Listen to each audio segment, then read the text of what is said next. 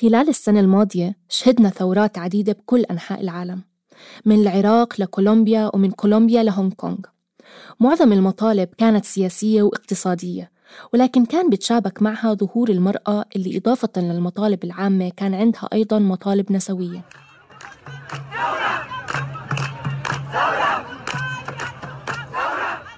حضرنا آلاء صالح من السودان وهي بتهتف أمام جماهير كبيرة. وسمعنا اللبنانيات وهن عم بيطبلوا على طناجرهم بشوارع بيروت وأشعر بدنا على الرقصة التشيلينية اللي تحولت لشعار عالمي ضد التحرش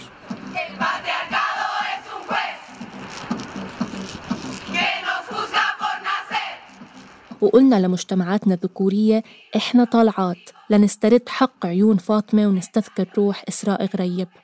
بتذكرني كل هالأحداث الملهمة بمقابلة أجريتها قبل سنتين مع امرأة اسمها نسرين. يمكن مطلب نسرين كان أبسط وأكثر فردانية من كل هالحراكات ولكن الإشي اللي بيجمعها مع نساء العالم إنها كانت بتحاول تكسر القيود المجتمعية اللي بتفرض على المرأة شو لازم تكون وكيف لازم تكونه.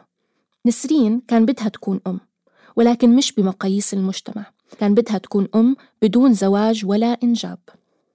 ولأنه القصص الشخصية امتداد للفضاء العام. تماما كما الفضاء العام امتداد للقصص الشخصية. محرز إنه نسمع قصة نسرين مرة تانية رغم استثناءاتها. نترككم مع حلقة اشتغلنا عليها ونشرناها في الموسم الثاني من بودكاست عيب. لتسمعوا قصة نسرين. شاركوا الحلقة مع أصدقائكم وتابعونا على منصات التواصل الاجتماعي عبر الروابط في وصف الحلقة. كيف أنا عايشة بجو ملتزم؟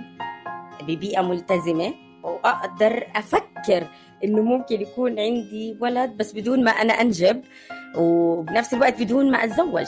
جواي أم وبدي أترجم هاي الأمومة ولو ما كان في زوج. الأمومة بمفاهيمنا اللي تعودنا عليها بتتعلق بالولادة بالرحم وبالأحبال السرية. ولكن بالنسبة لنسرين الولادة فقط رمز لا غير. إذا سقط لا تسقط الأمومة. بحلقتنا اليوم رح نسمع قصة نسرين.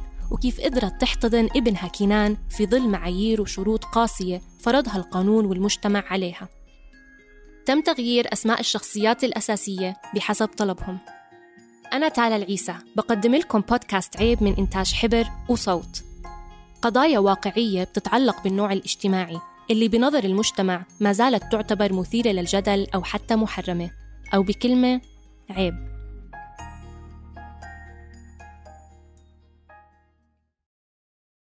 أنا نسرين آه، عمري 37 سنة. أنا كان لي تجربة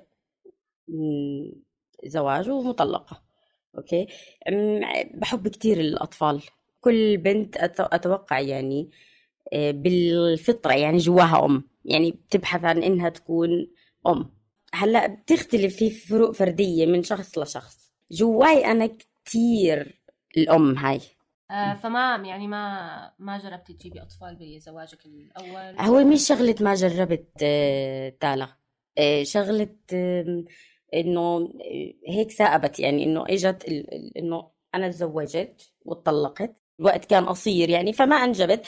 لكن يعني جواي هذه الأم والباحثة عن طريقة إن يكون عندي طفل باحترام الشريعة المفروض واللي أنا مقتنعة فيه والعرف. بس بدون ما أنا أنجب وبنفس الوقت بدون ما أتزوج. فيقولوا لي نسوان إخواني آه، خدي ربي أولادنا ما إحنا بنعرف كثير بتحبي الأطفال. وهيك.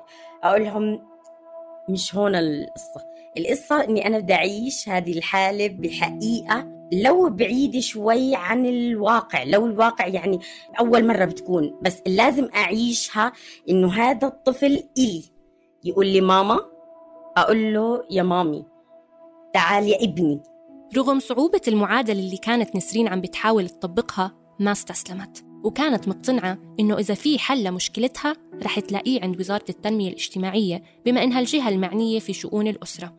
وبالتالي ضلت نسرين تتصل مع الوزارة كل ست أشهر على مدار خمس سنين. كل مرة نفس المكالمة نفس الحديث ونفس النتيجة. مرحبا أنا بدي آه، أحتضن طفل أو إني بدي أرعى طفل. آه، تقول لي كيف يعني إنه يعني كفالة يتيم؟ أقول لها لا لا بدي إياه يعيش عندي بالبيت. تقول لي أوكي في عندك شروط. قلت لها أنا متصلة عشان هيك بدي الشروط. اللي أنا أصلا حفظت عن غيب. أقول لك إياها. أول إشي آه، لازم يكون في أسرة. هاي أول شرط سقط. أنا أصلا ما عندي أسرة. اللي هي الزوج وزوجة. أنا ما عندي زوج. أما الشرط الثاني للاحتضان فهو إثبات عدم مقدرة الأم الحاضنة على الإنجاب. والشرط الثالث توفير إثبات مادي ببرهن إمكانية الأسرة الحاضنة على كفالة الطفل. وهو الشرط الوحيد اللي انطبق على حالة نسرين بهداك الوقت. هي عم تحكي وأنا عم بهز براسي. وبس. أقولها آه وبس. شكرا لك مرت الأيام والأشهر والسنين والمكالمة مثل ما هي. لحد ما في يوم من الأيام اختلفت النبرة المعتادة. يعني وفعلا لو كانت قدامي مأمورة المقسم اللي ردت علي فعلا واهبتها حياتي. فبعد بقول لها مرحبا والله بدي أسأل هيك هيك عن آه لكن أنا آه سنجل مام اللي هي بتقول لي بالعكس في هلأ. قلت لها مرة تانية شو؟ اللي هي بتقول لي في برنامج الأسر الراعية البديلة. قلت لها أرجوكي ركزي معي شوي قولي لي شو الشروط. تقول لي عادي إنه يعني لو مش مش بتزوجي قلت لها please please يعني احكي لي احكي لي كل شيء يعني شو بدكم؟ يلا أنا عم بسجل. وقعدت يعني يعني دموعي الداخلية الانبعاث اللي عندي إنه قولي لي وأنا بس بدي إيش أكتب وأحفظ. بتقول لي آه، الجنسية أردنية. ويكون في مسكن كويس وجو عائلي. و قلت لها okay okay okay okay. آه، أنا جايتك بكرة. اتضح لنسرين من زيارتها تاني يوم إنه الوزارة باشرت بتطبيق برنامج جديد الهدف منه تقليل الشروط المقيدة للاحتضان. يعني بينما كان بالماضي لازم الأسرة الحاضنة تتكون من زوج وزوجة وما يكون عندهم أطفال أصبح الآن بعد إطلاق برنامج الأسر الراعية البديلة بإمكان الأم العزباء مثل نسرين إنها تحتضن طفل وكذلك الأسرة اللي بتواجد فيها أطفال من الأساس. واللي بيعني إنه الأم بطلت مجبورة تكون عاقر لحتى تقدر تحتضن. تم تطبيق البرنامج سنة 2014 بثلاث محافظات عمان، إربد والزرقاء. ولليوم وصل عدد الأطفال المستفيدين تقريبا 200 طفل. أما الأمهات العازبات اللي قدروا يحتضنوا تحت مظلة البرنامج بيوصل عددهم عشرة. المهم خلينا نرجع لنسرين. بعد زيارتها للوزارة باشرت بالإجراءات اللازمة مثل تقديم الأوراق الثبوتية والخضوع لمقابلة مع لجنة وزارية وإجا اليوم لمشاهدة الطفل اللي اختارته إلها اللجنة. راحت نسرين لدار الرعاية وقابلت المسؤولة اللي رتبت اللقاء الأول. وهون كان الخوف آه من إنه هذا الإشي اللي بدي أشوفه الكائن اللي أنا بحاول إني يعني أرسمه بمخيلتي. اللي كان حلم بلش يصير قريب إلى الواقع. دخلت معاها طفل. أنا بتطلع بس أنا قاعدة آه، بحق لي أتفرج عليه ولا هو هذا مش هذا بس أنا طلعت عليه. أنا أنا شوفي أنا هلأ مستعدة لو بعرف أرسم أرسم لك المشهد. أرسم لك كيف شكله لما أنا ناسية اللي اللي أصلا جابته. أنا بس كل نظراتي عليه. فأنا قمت مسكته. مسكته هيك كان يبكي. كان مرشح. مسكته كان يبكي بتطلع عليه صدقا. عشان ما أكون ببالغ ماكسيمم خمس دقائق مع إنه أقل. صدقا. كان يبكي.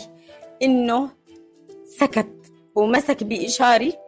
أنا محجبة. ونام. بس بقولها أنا حبيته. ولا هي بتقول لي وهو حبك. شايفة كيف نام عن جد بتحكي قعدت أبكي. على السريع بلشت قلت لها معلش بس إنه بدي يعني بس إنه تصوروني بدي بس تصوروا المشهد. وفعلا الصورة لهلا موجودة. كان عمر كنان سنة لما احتضنته نسرين وهو اليوم عمره خمسة. لهلأ ما بيعرف إنه هو محتضن ولساته ما عم بيسأل عن أبوه. عم تستنى نسرين الوقت المناسب لحتى تخبره. بإشراف من أخصائيين نفسيين. بالرغم من تقبل معظم أفراد عائلة نسرين لقرارها ضل في بعض الأشخاص اللي استصعبوا التعامل مع كنان وكأنه جزء من العائلة. في منهم من أهلي أخذوا أربع سنين وثلاث سنين. أه؟ عشان مش متقبلين ولا عشان شيء؟ لا عشان هم مش متخيلين إنه معقول آه، بدي أحب حدا. أصلا مش من دمي فكرة هذا الدم ولازم تكوني من من عجينتي وبنت عمي أو أخوي أو ابن أخوي. الفكرة هاي اللي أنا بحترمها في الآخر. نسرين ما بتتأثر عادة بحكي الناس ولكنها ما بتنكر إنه بهمها يكون محيطها داعم إلها ولحياتها مع ابنها. بكفيها يكونوا اللي حواليها على الأقل متقبلين أشكال الأسر المختلفة ومقدرين أهمية إتاحة الفرص والخيارات. يعني okay أنا بقول لك مثلا X Y Z جاري وجارتك ما إلهم خص أنا هاي حياتي بس بدك كمان تكوني من الناس وإلهم معاهم يعني بس لو أعطينا خيار. الخيارات إشي كتير حلو بالحياة إشي كتير حلو. وقديش إحنا نساعد هذا الخيار حتى إنه يكون عن جد واقعي. كيف بنساعد نتقبل الفكرة. نكون إحنا أكثر ثقة ما بيننا وبين بعض. إنه فعلا هاي جارتي أو whatever من هي آه، عن جد هي ما تزوجت أصلا أو تزوجت وتركت أو انفصلت أو أصلا عندها أولاد وجابت كمان حبت إنها كمان تربي مع أولادها لأنها هي منفصلة أو أرملة أو أو أو أو هي جواها لسه أم جواها طاقة. نمنحها هاي الفرصة. وين المشكلة؟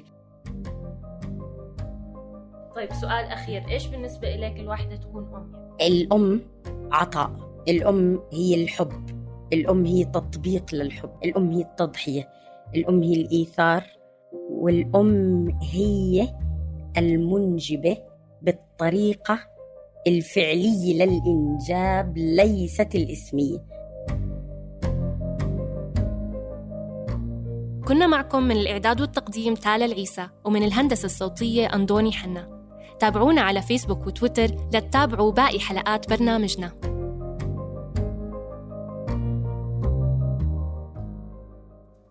رح يرجع عيب بموسمه السادس قريباً. من هون لوقتها منعزمكم على بودكاست مهضوم لتتذوقوا موائدنا العربية اللي بتعكس لنا حكايات كتيرة عن تاريخنا وتراثنا. ممكن تسمعوا مهضوم عبر كل تطبيقات البودكاست وبإمكانكم تلاقوا الروابط بالوصف. شو بدنا ناكل اليوم؟ أنا الليلة عاوز آكل بامية وكفتة. أنا كليت عيش دياي ودقوس. بدي آكل بيتزا. طبيخة فاصوليا خضراء ورز بلاو مبطن. أنا النهارده عايز آكل ملوخية ورقاق باللحمة.